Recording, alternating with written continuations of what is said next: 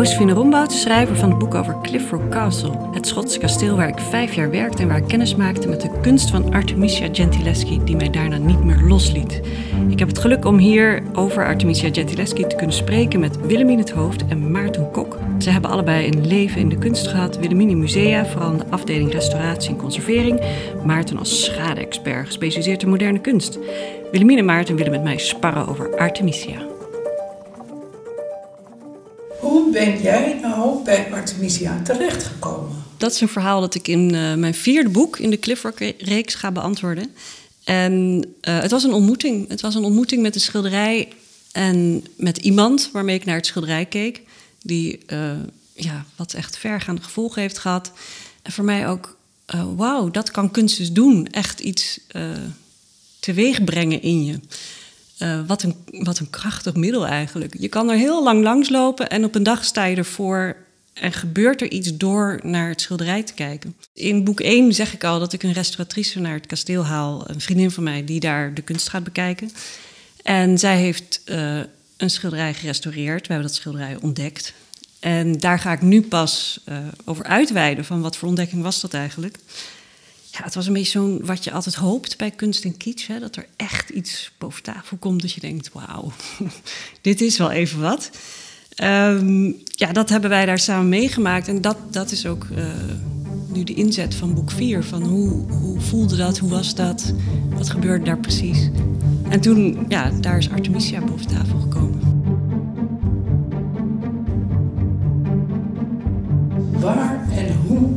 Werd je er nou toe aangezet om echt verder te gaan kijken, om te gaan zoeken?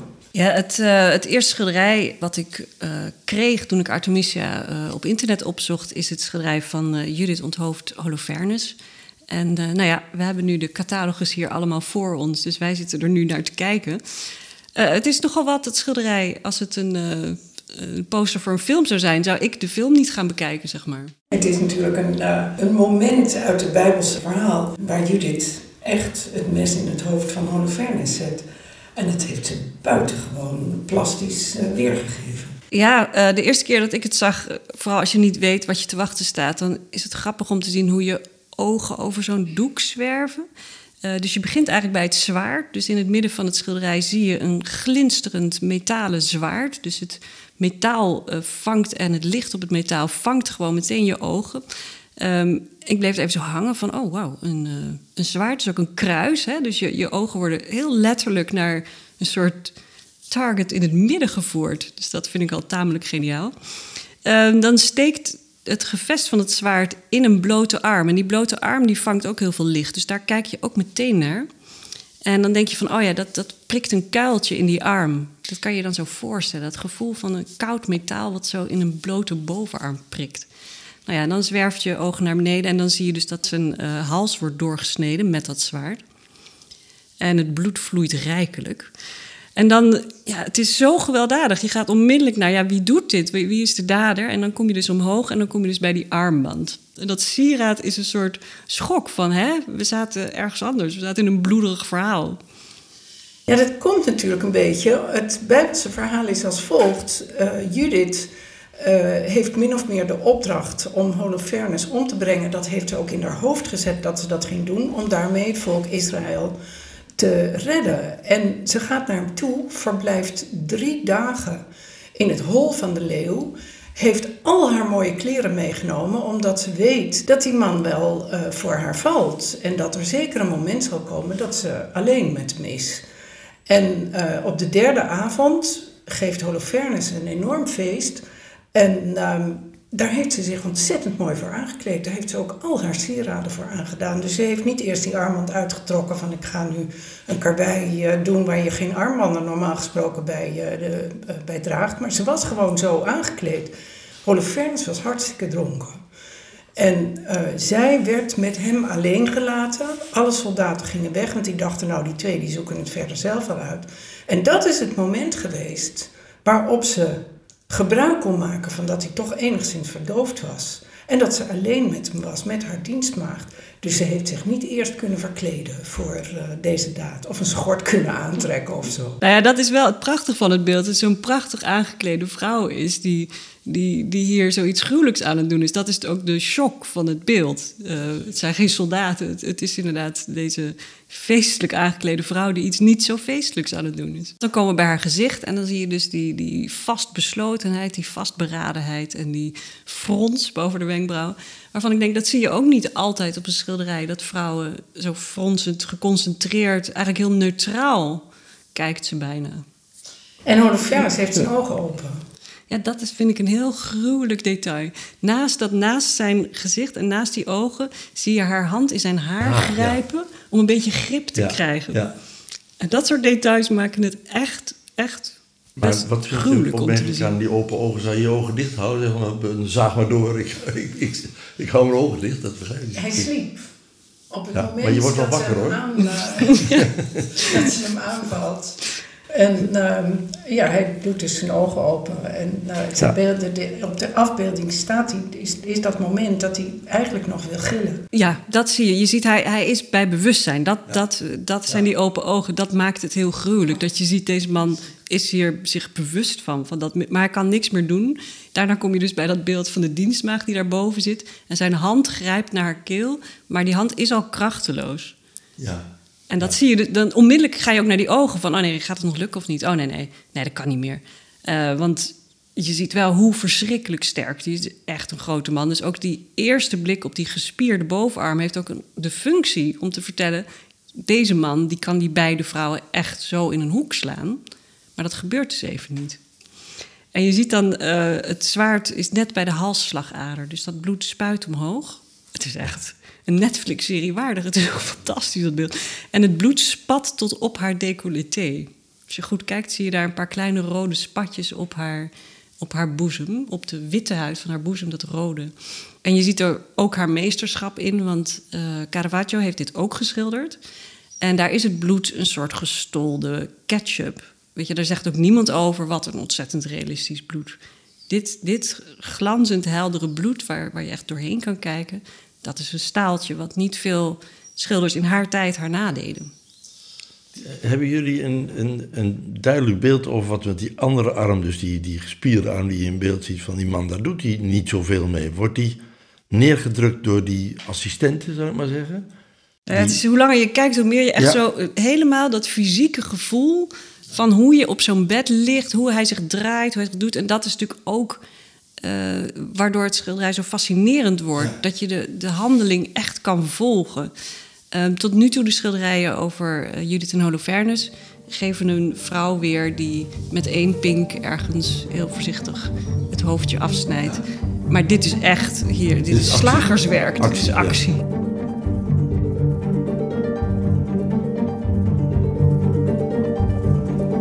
Van de week uh, stuurde een vriend mij een artikel uit de The Art Newspaper op. Waarin werd verteld, en je zult altijd zien als je over een onderwerp met elkaar gaat, elkaar praten, dat er een heleboel dingen samenvallen. Dat er een schitterend schilderij van Artemisia gekocht is door de Getty. Hebben jullie het ook gevolgd? Waarschijnlijk wel. Um, ik vraag me dan af, is het echt toeval of is er een stroming nu ineens dat overal ter wereld mensen zich concentreren op Artemisia?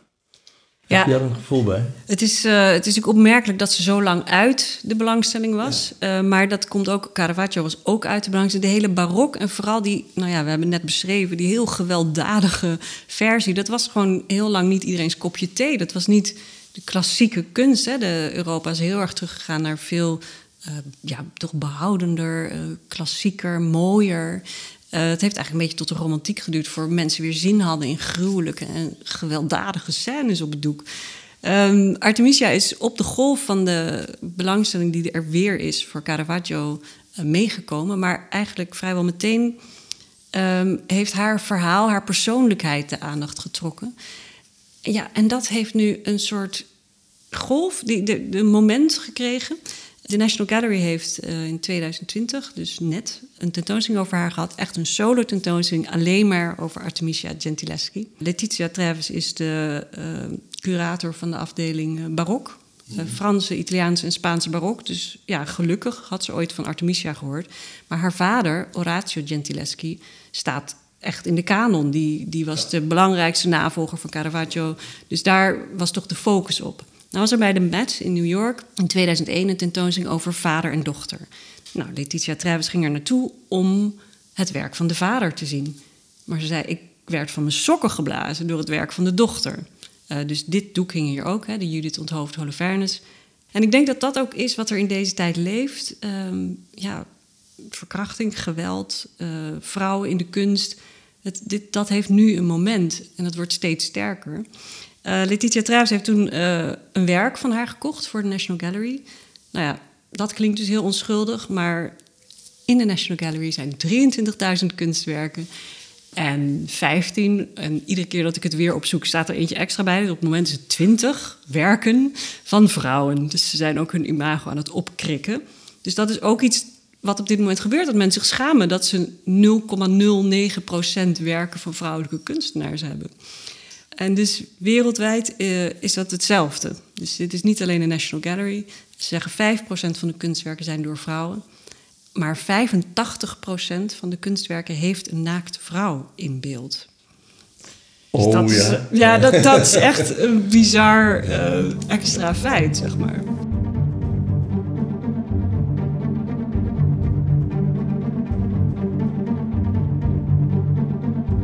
Je hebt nou al een paar keer gezegd, het gaat over geweld, het gaat over verkrachting.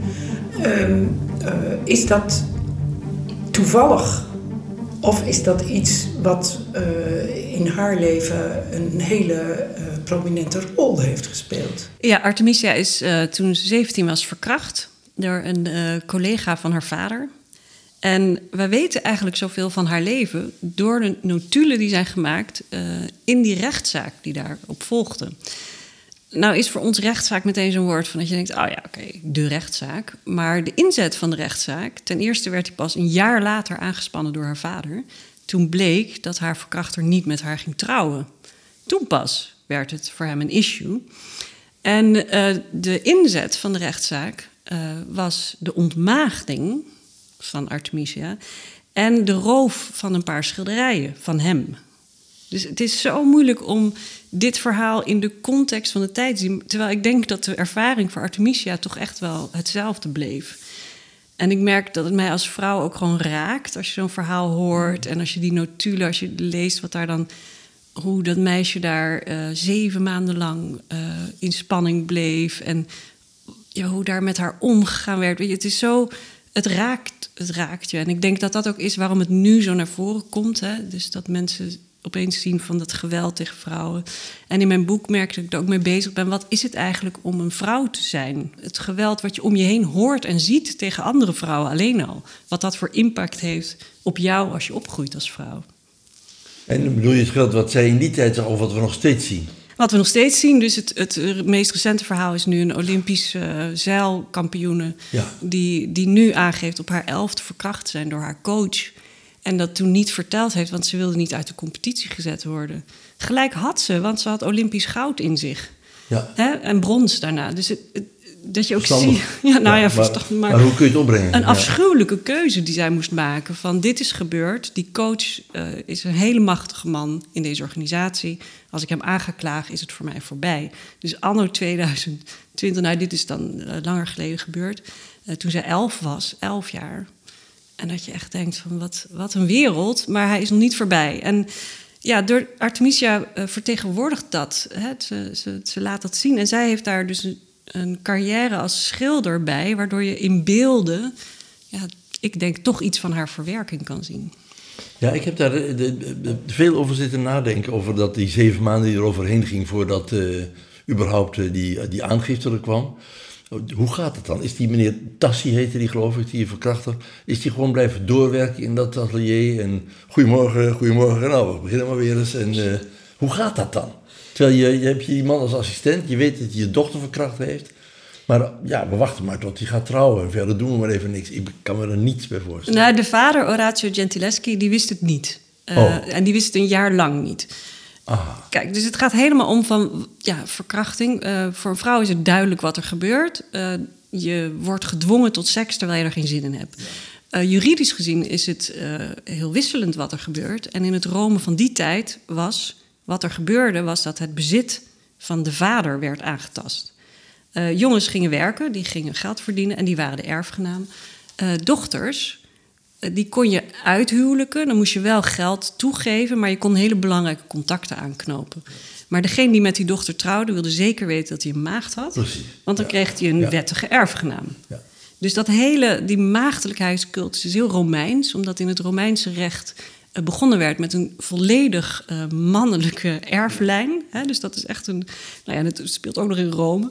Eh, maar dat Romeins recht is natuurlijk door heel Europa eh, doorgedrongen. Hè? Dus het is heel patriarchaal.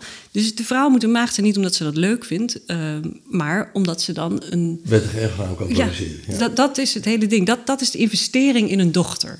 Dus als dat wordt doorbroken, is dat een smaad voor de hele familie. Want je, je, je hebt waardeloze goederen op de markt Ja. gebracht, zeg Ja. maar. Dus dat, Ja. dat is wel...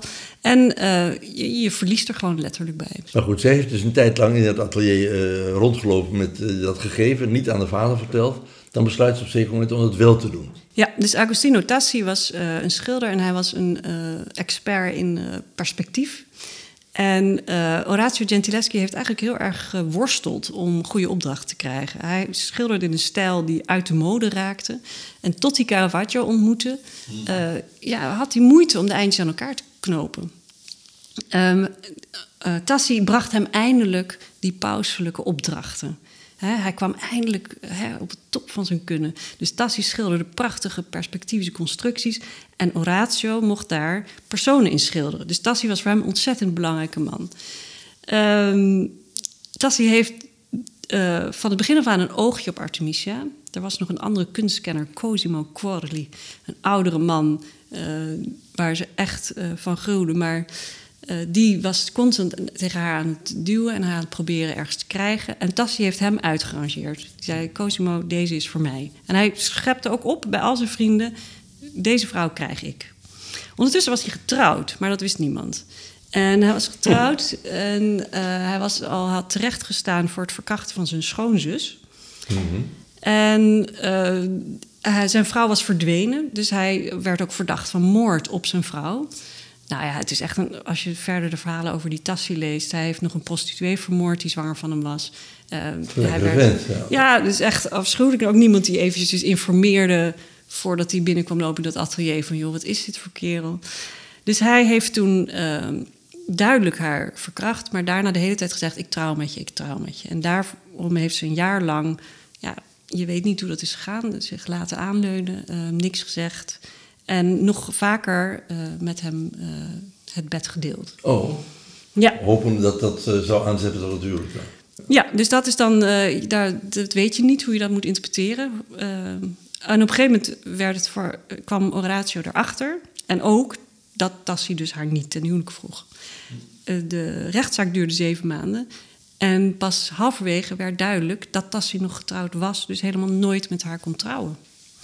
Dus eigenlijk was de hele rechtszaak ook om hem te dwingen met haar te trouwen. En ja, dat ging het raam uit. Halverwege.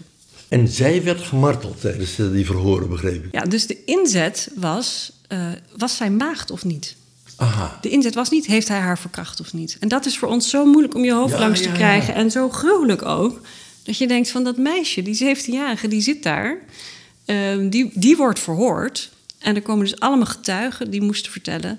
eh, of zij nou maagd was of niet. Nou, dan krijg je dus de wildste eh, verhalen. En ook dat je als 21ste eeuw zit van... waar gaat dit zou hele kunnen verhaal? getuigen ook, ja. Ja.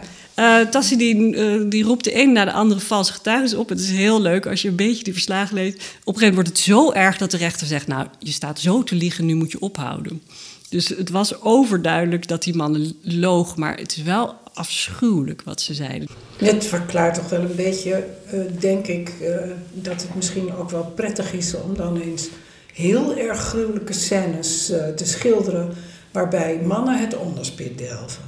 Ja, daar is natuurlijk de, de lange discussie over hoe heeft zij dit verwerkt. Ehm, uiteindelijk werd zij gemarteld, omdat ze dus moesten weten of zij de waarheid sprak, of zij nou maagd was geweest of niet toen het gebeurde. Eh, de, het is heel mooi, het verslag is helemaal in het Latijn, hè, juridisch tekst, maar de getuigenverklaringen zijn in het Italiaans. En je hoort haar dan vertellen van, nou ja, hij drong zich aan me op. En ik krapte hem zo hard dat ik zelfs een stuk huid van zijn penis af krapte. Dus het gaat echt ver. En toen het gedaan was, uh, toen heeft ze een mes gegrepen en gezegd, ik vermoord je. Maar ja, dat was natuurlijk best moeilijk als 17-jarige. Ja. En die Tassie was een, eh, sterke grote man. Uh, dus, en dan wordt haar, dus, uh, wordt haar gevraagd of ze toestemming geeft tot marteling. Uh, en het lijkt erop in de juridische tekst of de rechter eigenlijk wel een beetje op haar hand is, maar zegt van ja, dit is het enige wat, de, door, wat mensen jou gaat laten geloven. En de een Mart... soort leugendetector Ja. uh, van Alette. Ja. En uh, omdat hij ook op een gegeven moment die Tassie terecht wijst en die valse getuigenis uh, zegt van joh, jullie liegen, hou op met liegen. Dus dat, dat staat letterlijk in die tekst, dat de rechter ze terecht wijst. Maar hij vraagt haar toestemming, zij geeft toestemming om gemarteld te worden. En wat ze hebben bedacht, en dat is voor een schilder natuurlijk heel afschuwelijk, dat ze sibyllen en dat zijn uh, koorden die om de vingers worden gebonden en dan aan worden getrokken. Ja, en als je lang doortrekt, dan breek je je vingers. Dus zij is schilder. Dit, dit is haar instrument. He, dit, dit, dit is waar ze mee schildert. En zij stemt toe. En uh, wat ze dan roept uiteindelijk, en dat is ook dus opgeschreven, is... Uh, è vero, è vero, è vero. Het is waar, het is waar, het is waar.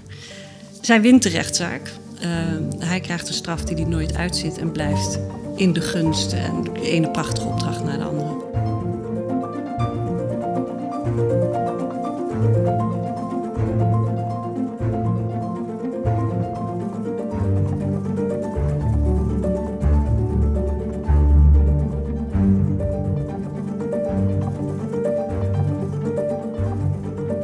Is na de rechtszaak snel uitgehuwelijkt. Ze kreeg vijf kinderen die niet allemaal bleven leven. En in hoeverre verschilt nou deze kant van haar leven van dat van de vrouwen uit haar tijd en van haar vriendinnen? Ze had natuurlijk een heel opmerkelijk leven. Ik denk dat um, ja, ze was toch een soort wonderkind. Hè? Ze had echt een buitengewoon talent, wat vroeg ontdekt is. Ze had ook een hele geïsoleerde positie, omdat ze dus geen moeder had. Uh, bij een man woonde die niet heel goed was in uh, sociale contacten. Dat blijkt uit heel veel uh, documenten. Dus hij nam er niet constant mee naar ooms en tantes. Dus ze leefde in dat atelier en ze schilderde. Um, ja, dus ze was een werkende vrouw al heel jong. Dat, um, maar niet, een, niet ambachtelijk, maar als kunstenaar. Dus dat was sowieso, had een kunstenaar altijd al een beetje een moeilijke positie of een hele ja, bijzondere, geïsoleerde positie. Ze hoorden niet bij de ambachtslieden, maar ook niet bij de adel. Ze waren een beetje tussenin. Ja, dus haar leven verschilde in alle opzichten van dat van uh, vrouwen uit haar tijd. Ik, uh, ze heeft ook niet in haar vroege leven had ze geen vriendinnen. Ze was in het atelier, ze mocht niet naar buiten. Er was een gedienstige en dat was het een beetje. Op een gegeven moment een tante. Als ze naar Florence gaat, verandert dat allemaal. Ze, ze is uitgehuwelijk, dus ze mag naar buiten. Ze is een getrouwde vrouw. Dat gaf enorme vrijheid en voordelen voor haar. En uh, een van de eerste schilderijen uit die tijd die van haar bekend zijn, is dat ze als uh, een zelfportret als luidspeelster. En ze is in een soort zigeunerinnengewaad en ze heeft een luid. En er is al opgemerkt dat ze die luid heel uh, overtuigend vasthoudt. Dus ze nemen aan dat ze zichzelf luid heeft leren spelen. Ze heeft zichzelf in ieder geval leren lezen en schrijven in die tijd. Dus je hebt het gevoel dat ze een soort inhaalslag maakt. Aan het hof waren dus uh, een paar vrouwen heel belangrijk. De groothertogin uh, van Cosimo II, de moeder van Cosimo II, de vrouw van Cosimo II. Die hadden heel veel macht. En die uh, wilden ook wel getalenteerde vrouwen aan zich binden. Dus in die zin kwam ze eigenlijk opeens ja, meer in contact met vrouwen. Ja, en met, uh, met de maatschappij ook, hè? Ja, ja. überhaupt de deur uit, ja. Uh, er was die uh, Francesca Caccini, dus een zangeres, componiste... in die tijd waar ze dus ook... ze denken dat verhaal van die luidspeelster... dat, ze, dat er echt een voorstelling was waarin zij dus optrad. dus ze, ze stortte zich in dat leven. Ik denk dat het heerlijk was voor haar. Het was een beetje een alzijdig begaafd genie, hè? Ze kon van alles, hè? Wat ze aanpakte, dat lukte. Ja, ja, dus, de, dus uh, ja, als je optreedt met een luid en zingt, dan, dan ben je dus ook nog eens heel muzikaal. Uh, een van haar beste vrienden werd Galileo Galilei. Dus ja. ze moet ook een, een, leuke conversatie hebben gehad. Ja. Uh, wetenschappelijke interesse. En dus er waren andere vrouwelijke schilders um, waar zij op een gegeven moment ook wel mee in contact kwam. Maar zij was alleen. Zij, zij ging in haar eentje de wereld in. En dat was heel anders dan bij al die andere vrouwen. Die woonden of samen met een broer of met uh, een vader. Of met, en terwijl je ziet haar echt constant in haar eentje ja. aan de gang gaan. En zichzelf moeten verkopen. Ze heeft dus een man in die tijd, maar die uh, is niet zo erg in beeld. En die gaat op een gegeven moment heel veel schulden maken, waardoor ze moet verhuizen. Dus uh, daar heeft ze niet een steun aan. Zij moet de beslissingen nemen. Maar die belemmert haar ook niet. Ik bedoel, nee, dus dat is wel leuk. Ja, hij ziet haar talent en zij brengt heel veel geld in. Dus ja, op een gegeven moment is hij weg. Dan uh, is het enige wat er ooit nog van hem vernomen wordt... Dat zij in een brief aan een opdrachtgever vraagt... Of, ja, nou ja, iemand die al jaren haar opdrachtgever is... dus waar ze ook een band mee heeft en veel mee correspondeert... vraagt ze, heb je nog gehoord waar mijn man is? Nou ja, ze noemt zijn naam, niet mijn man. Dus ze leven blijkbaar al jaren ja. apart. En weet je of hij nog leeft of niet? Oh ja. ja, dat is wel... Dan weet je dat er niet, niet heel, heel veel contact is. Ja. Ze heeft in die tijd uh, een minnaar. Dat weten we. Want uh, uh, er zijn brieven gevonden van haar aan haar minnaar. Zijn die brieven eigenlijk nu pas aan het licht gekomen? In 2011. Echt waar? Ja, ja dus heel recent. Dus er waren brieven van haar bekend. nou ja, ze zijn niet allemaal vertaald, maar zo her en der duiken die op. En in 2011, net op het toppunt van uh, de herontdekking van Artemisia wordt dus uh, op een zolder een, uh, een stapel liefdesbrieven gevonden. In, in, haar eigen handschrift. In Italië ergens, neem ik aan? Ja. Ja. En de, de vorige brieven waren allemaal geschreven door, die heeft ze gedicteerd. Dus je ziet dat al die handschriften verschillen en haar handtekening is dan authentiek. Dus die herken je steeds. En deze brief is opeens, zijn in haar handschrift Zo. geschreven. Ja. ja. Dat is wat je noemt een major find. Ja, dat is natuurlijk een groot feest om zoiets te vinden. En het, het laat ook een heel andere kant van haar zien. Dus haar brieven met haar opdrachtgevers, daarin is ze heel. Um, uh, ja, ze is bezig met uh, relaties leggen. Weet je, het is echt een beetje. Je ziet haar buitenkant, je ziet haar zakelijke kant. Uh, je ziet dat ze zich probeert te verkopen. Dat ze zegt van. met mij zul je niet verliezen. Je vindt hier het hart van Caesar in het lichaam van een vrouw. Dat soort oh, uitspraken doet ze. Echt, ze zet zichzelf goed neer. Ja. En, maar ook wel heel, uh, ja, bijna militant. Uh, bij een man zou je het overtuigend vinden. Bij haar denk je, zo, die, die durft. ook aan wie ze ook schrijft. Ze, ze, ze, ze, neemt er geen blad voor de mond, hoor. Ze zegt op een gegeven moment... als ik een man was, zou je niet afdingen op mijn prijs. Oh. Ja, kon hij ook zijn zak steken. Ja. Ja. Keurig. Maar die, uh, die brieven aan haar uh, minnaar, weet je wat daarin stond? Wat schreef ze hem? Waar ging dat over? Ja, uh, voor de, de tentoonstelling in de National Gallery hebben ze een paar van de brieven vertaald in het Engels. De rest is alleen maar in het Italiaans, dus dat is ook spannend. Um, ja, ze schrijft dat ze hem mist, dat ze hoopt dat hij langskomt. dat ze hals over kop dus uit Rome is gegaan. Dus uit die brieven blijkt pas uh, ja, blijkt niet zoveel, maar blijkt dat het heel spoorslags was. Ze heeft zelfs haar kinderen even bij haar minnaar achtergelaten, de twee die overleefd hadden. Mm -hmm. En um, dus haar spullen en haar kinderen zijn daar en zij is naar Florence vertrokken. Of naar Rome teruggegaan, dus ze heeft Florence opeens verlaten. Uh, ja, schuldeisers is het idee. Of uh, dat het bekend is geworden dat ze een minnaar had. Maar ja, dan is het niet zo logisch om hem met haar kinderen te laten zitten. Dus dat is allemaal heel uh, mysterieus. Maar je ziet, als ze schrijft... Um, ja, ze is heel gepassioneerd. Uh, ze verwijt hem dat hij haar niet terugschrijft. Als je van me zou houden, zou je meer dan twee regels schrijven. En je ziet haar onzekerheid. Ze zegt, je zou me niet meer terug herkennen. Want uh, ik ben heel veel groter geworden sinds ik... Uh, of forser geworden sinds ik weg ben gegaan. Dus ja, het is wel een uniek kijkje in, in haar, in haar leven. Op een gegeven moment zegt ze, nou nu had hij zoveel teruggeschreven... dat ze weer geloofde dat hij van haar hield. Dus ja, ik vind brieven heerlijk. Ik heb zelf wat heel veel brieven gelezen. En je, je krijgt een soort uniek inzicht in... Ja, juist als iemand haast heeft of op een gegeven moment is haar zoontje overleden... met vier jaar. En dan zegt ze, ik ga, ja, ik ga kapot van verdriet. Maar hoe ze dat opschrijft, en, weet je, dan voel je je echt heel dichtbij iemand. Hoe iemand is, ja. Ja, meer dan in die brieven met die uh, zakelijke. zakelijke, contracten. Ja. Ze zijn echt hele dramatische uithalen. Weet je, ze schrijft echt als een schilder. En ook zie je van soms helemaal geen punten of komma's. Of, ze, ja. ze raast maar door. Ja, ze schrijft heel woest. Ja. En, ja. En het hele ja, interessante spelling. Spelling was natuurlijk vroeger sowieso niet zo'n item. Maar zij uh, maakte helemaal... Uh, een, Artemisia schrijft zo, ja, zo'n TIA op het Ja, ja, ja. Dus dat je echt ziet van nee, dit, dit is niet iemand waarvan het schrijven erin gedrild is toen ze tien was. Ja, goed, ze heeft zelf geleerd, hè? Je zei net, dat is af, ik vind dat al heel bijzonder hoor. Ja. Dat je jezelf in die tijd leert uh, lezen en schrijven. Ja, en het grappige is, ze haalt ook in die brieven Ovidius aan.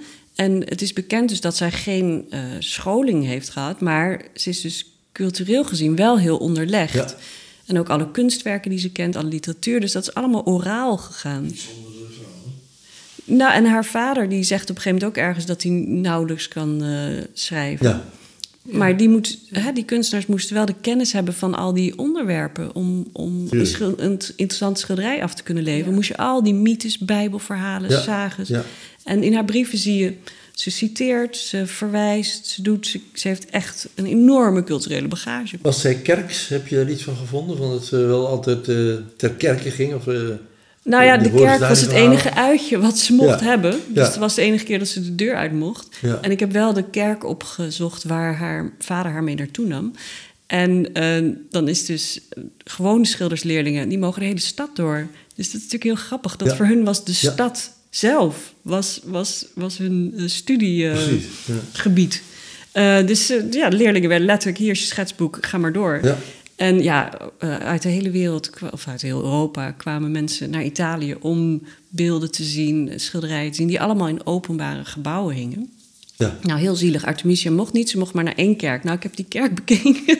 daar kan je wel een leven oh, op studeren hoor. Ja? Mijn god, dus daar hangt alles. Hij is door Bramante en Bernini gebouwd. En oh, nog afgemaakt door iemand anders. Dus de architecten waren al, nou ja, Top, hè, ja kon al niet mooier.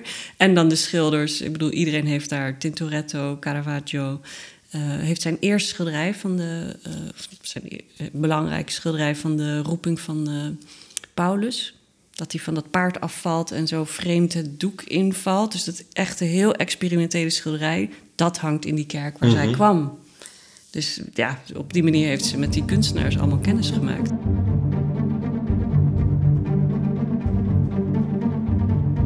Ik wil terug naar die onderwerpkeuze.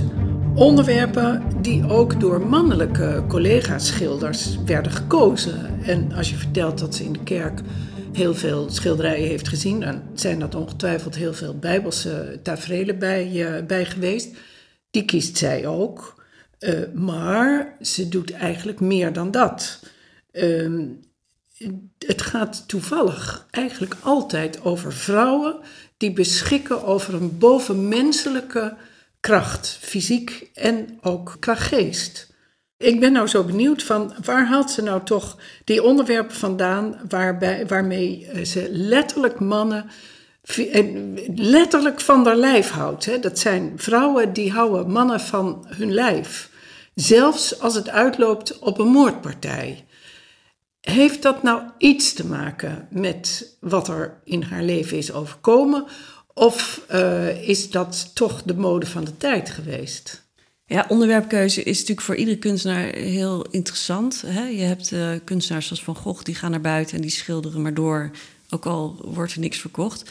Aan de andere kant kan je ook zien dat Van Gogh echt wel in zijn tijd werkt. Het is echt niet dat hij uh, iets schildert wat nog nooit geschilderd is. Hè? Alleen zijn blik is heel uniek. Schildert anders, ja. Ja, dus um, ja, je, dit leefde, deze onderwerpen leefden in hun tijd. En ik ben natuurlijk zelf als, met schrijven uh, ook steeds ermee bezig. Van ja, dit houdt mij bezig, maar houdt het ook de rest van de wereld bezig. En dan zie je dat daar een soort wisselwerking is. Het houdt mij bezig omdat het op dit moment is, iets is wat leeft. Dus mijn vierde boek gaat over vrouwen, um, agressie, hoe je als vrouw opgroeit. Ja, en als ik om me heen kijk, ik, iedere krant die ik open doe, gaat daarover. Bij haar was het zo dat um, zij had natuurlijk die werken van Caravaggio gezien en al die uh, mythes die zij uitbeeldt, zijn uitgebeeld. Hè? Dus het waren voorbeelden te over van. Je ziet ook dat ze haar werk lijkt op werk van anderen. Alleen ze geeft er die unieke twist aan. Hè? Iets, inderdaad, de manier waarop die vrouwen in die scènes staan, zijn zo doorvoeld, doorleefd. Dat je denkt, ja, dit, dit is het unieke van haar. Dat. Caravaggio schildert een vrouw die uh, Holofernes onthoofd. En die vrouw doet dat met twee pinkjes omhoog. Van oeh, ook een beetje een naar eh, werkje. En uh, nou, Artemisia die gaat aan de slag en die laat zien dat het misschien wel een, een stevig werkje is. Maar iets waar een vrouw zich helemaal in kan gooien. Als je het uh, puur carrière technisch bekijkt, zie je dat zij um, heeft schattige Madonna's geschilderd. Ze heeft prachtige portretten geschilderd. Ze heeft luidspeelsters geschilderd. Maar ze heeft op een gegeven moment ontdekt dat wat verkocht, waren die doeken met hele grote, mooie vrouwen in beeld. Dus ze heeft in die zin ook haar niche ja, opgezocht en gecreëerd. Ja, en, en toch die portretten die je noemt en de luidspelers, die gezichten zijn toch al anders dan een heleboel andere schilderijen. Het zijn andere vrouwen. Daar zie je al in dat het, uh, dat, dat zijn echt persoonlijkheden. Dat zijn niet alleen maar plaatjes. Nou ja, ik denk dat dat. Um, kijk, ik schrijf, ik schrijf zelf non-fictie. En je vraagt je toch best wel vaak af: van ja, is het interessant voor iemand anders? Is het relevant? Want het is gewoon mijn anekdote, mijn verhaal. Net zoals zij zou kunnen denken: ja, dit is mijn portret, mijn gezicht. En dan. Um, waar zij naar zoekt. En het leuke is dat haar zelfportret heeft ze in drie versies. Uh, die heel erg op elkaar lijken geschilderd. Um, ze schilderde naar levend model. Dus in die zin schildert ze non-fictie. Net mhm. zoals ik non-fictie schrijf. Mm daarin, in die non-fictie, gaat ze dan op zoek naar iets overstijgends. Dus het is zelfportret als luidspeler. Um, ja, zij is het, maar zij is ook de vrouw, de zigeunerin, de musicienne. En soms is ze zelfs de allegorie van de kunsten. Dus ze probeert het op een hoger plan te krijgen. Nou schildert ze nog drie versies. Wat ik dan zo Um, ja, je ziet iemand dan echt in zijn atelier aan het werk zijn zaak opzetten. Hè? De, de ZZP'er die aan de slag moet. Ja, ik kan maar één portret schilderen. Als ik er meer wil verkopen, moet ik er meer schilderen. En ze trekt dan de, de basislijnen over. En dat is een techniek die ze van haar vader heeft ontwikkeld. Caravaggio begon als eerste weer helemaal naar model te schilderen. Dat heeft haar vader haar geleerd. Dus zij schildert naar levend model. Wat was in die tijd heel bijzonder. Daardoor krijg je ook zo'n heel levend portret. Mhm. En, uh, maar daarna trok ze hem over en ging ze dat portret nog drie keer doen. En de tweede keer is het als um, Sint Catharina. En dat is ook een heel, um, heel mooi, Sint Catharina van Alexandrië. Um, waar ze een martelwerktuig in de hand heeft. Het wiel waarop uh, Catharina geradbraakt is. En ja, daar, daar kan je natuurlijk meteen... Zij is, Artemisia is zelf ook gemarteld. En ze schildert een heilige die ook gemarteld is. Ja, dus je, je kan daar een parallel trekken, maar ze overstijgt het. Hm. En je ziet dat in dit portret um, lijkt het op haar, maar minder dan het zelfportret. Dus ze trekt haar eigen gezicht, uh, ja... Veralgemeniseert ze? Of, ja, eh, ze, ze benadrukt andere aspecten erin. En dat is dus heel boeiend. Je ziet drie ja, soort zelfportretten die duidelijk op elkaar lijken... Maar de derde versie is voor de groothertogin geschilderd van uh, Toscane. En daar heeft ze dan echt een kroon op, die heel erg lijkt op de Toscaanse kroon die ze net hadden gekregen. Een hertogskroon van de paus. Nou, dus dat was allemaal iets waar ze heel blij en trots mee waren. En die vrouw heeft een kroon op die op die Medici-kroon lijkt. En um, de vrouw zelf heeft een veel langere hals en een minder gedeukte neus. En hè, ze is veralgemeniseerd tot een, ja, meer een, een heilige. Uh, ze kijkt ook uh, wat minder stout, vind ik, dan de eerste Artemisia. Maar ze lijkt nog steeds op Artemisia. Dus je ziet van ja, wat is non-fictie, wat is fictie? Dat gaat in deze drie portretten, zie je daar een soort uh, glijdende schaal. Maakte ze deze nou in opdracht? Nou, we denken net als Rembrandt, hè, die maakt ook het ene zelfportret na het andere. Uh, een zelfportret kan je laten zien wat je kunt. Um, soms gaven kunstenaars een cadeau In de hoop dat iemand dat cadeau dan rijkelijk zou belonen. In ieder geval met een nieuwe opdracht. En op een gegeven moment heeft ze een briefwisseling met Galileo Galilei van... ja, hè, dat geschenk dat ik ooit gaf, heb ik nog steeds geen geld voor gekregen. Ja. of jij hebt mij geholpen daar het geld voor te krijgen. Dus je ziet hoe, Ja. hoe, ja, hoe ze aan de weg aan het timmeren was. En haar onderwerpskeuze, ik denk dat ze hoopte dat het hielp. Ze was een hele mooie vrouw. Ze was een hele bijzondere vrouw. Ze was een vrouwelijke schilder en een soort wonderkind.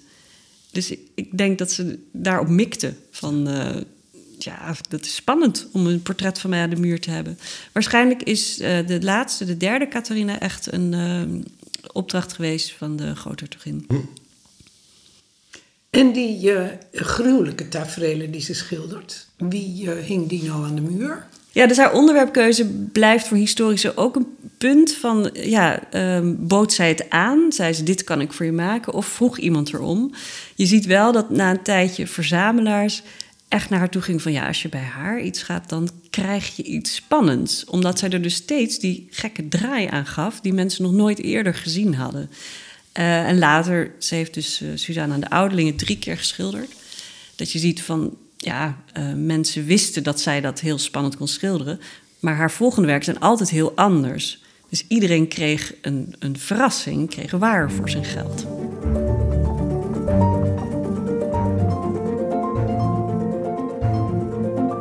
De eerste grote publieke opdracht die ze had was om een, uh, iets te schilderen in de Casa Buonarroti.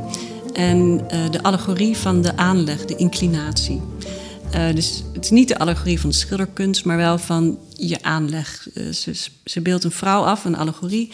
Een allegorische persoon voor de inclinatie met een kompas en een leidster. Dus hey, je moet op je kompas varen en je ster volgen. Nou, dat heeft ze zelf zeker gedaan. Maar het was wel even wat om daar neer te zetten, want de allegorie is helemaal naakt. Hij is later aangekleed. Uh, met een doekje erover. Want ze vonden het één generatie later toch wel erg bloot. Uh, ze lijkt op haar, heel duidelijk op haar. Uh, haar gezicht, maar inderdaad ook haar lichaam. En um, van de borst wordt gezegd: dit is een van de meest natuurlijke borsten die de kunstgeschiedenis kent. Ja. Hij Absoluut. hangt dat, namelijk oh, een beetje. Echt, maar dat is, ook, dat is ook echt zo. Het moet geschilderd zijn door iemand die voelt hoe het zit. Dus daar komt die vrouw uit Rome met dit vreselijke verhaal ze schildert zichzelf naakt op een wolkje.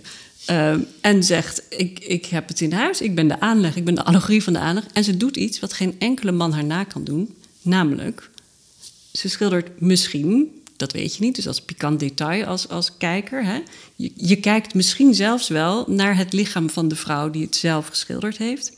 En daarbovenop, en dat vonden uh, de Italianen natuurlijk heerlijk, het spel met de allegorie. De allegorie is een vrouw, net zoals de muzes altijd een vrouw zijn. En deze vrouw is dus haar eigen muze. Ja.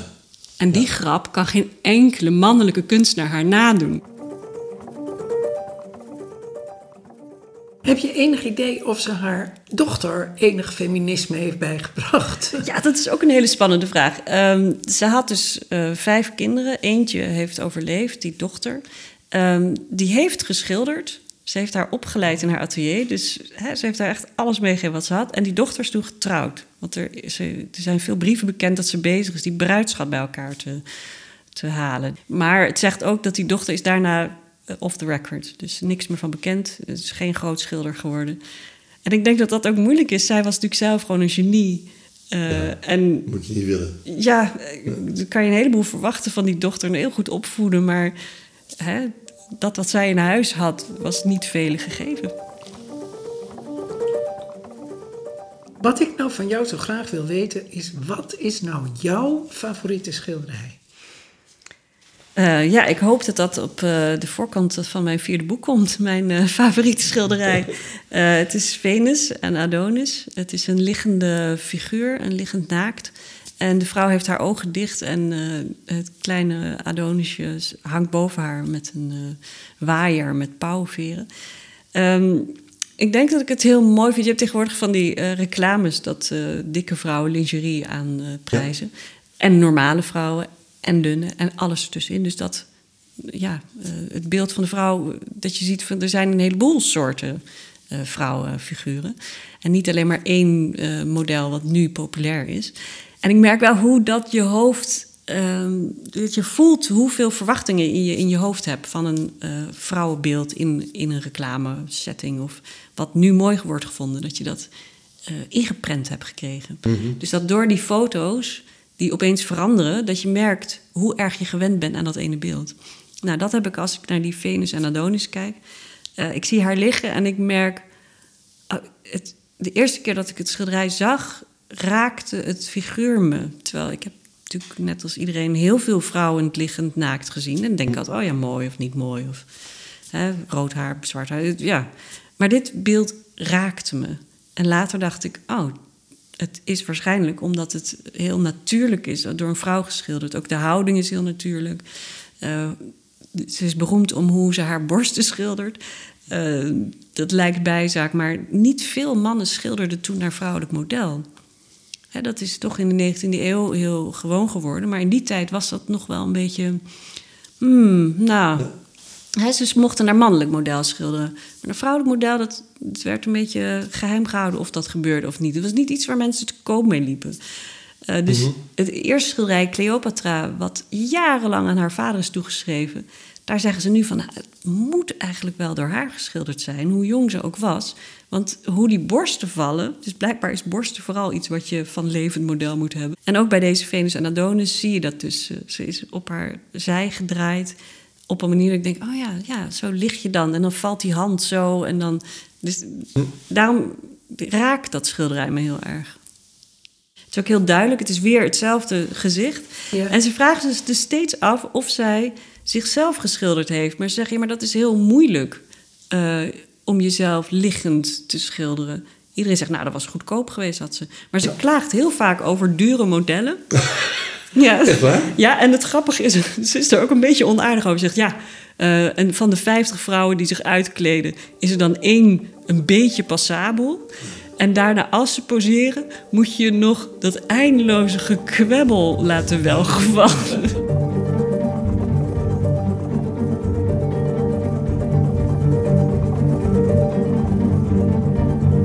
Alles wat mensen schrijven is op een bepaalde manier autobiografisch een bepaalde manier schrijf je altijd een spiegel van jezelf.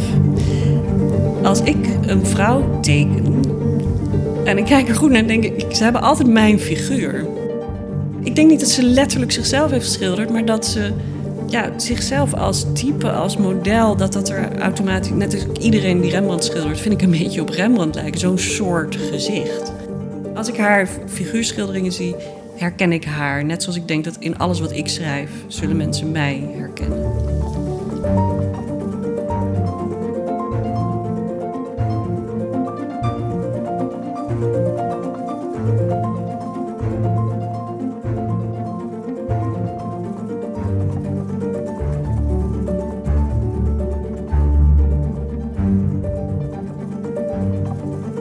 Artemisia Gentileschi heeft bij mij heel veel losgemaakt over wat het is om vrouw te zijn, wat het is om kunstenaar te zijn. En het zal voor mij een levenslange fascinatie blijven om te kijken hoe zij dat uit heeft gewerkt in haar kunst en hoe ik dat zelf wil doen. Ik wil Willemine en Maarten heel erg bedanken voor het gesprek en alle luisteraars voor het luisteren. Tot ziens in boek 4.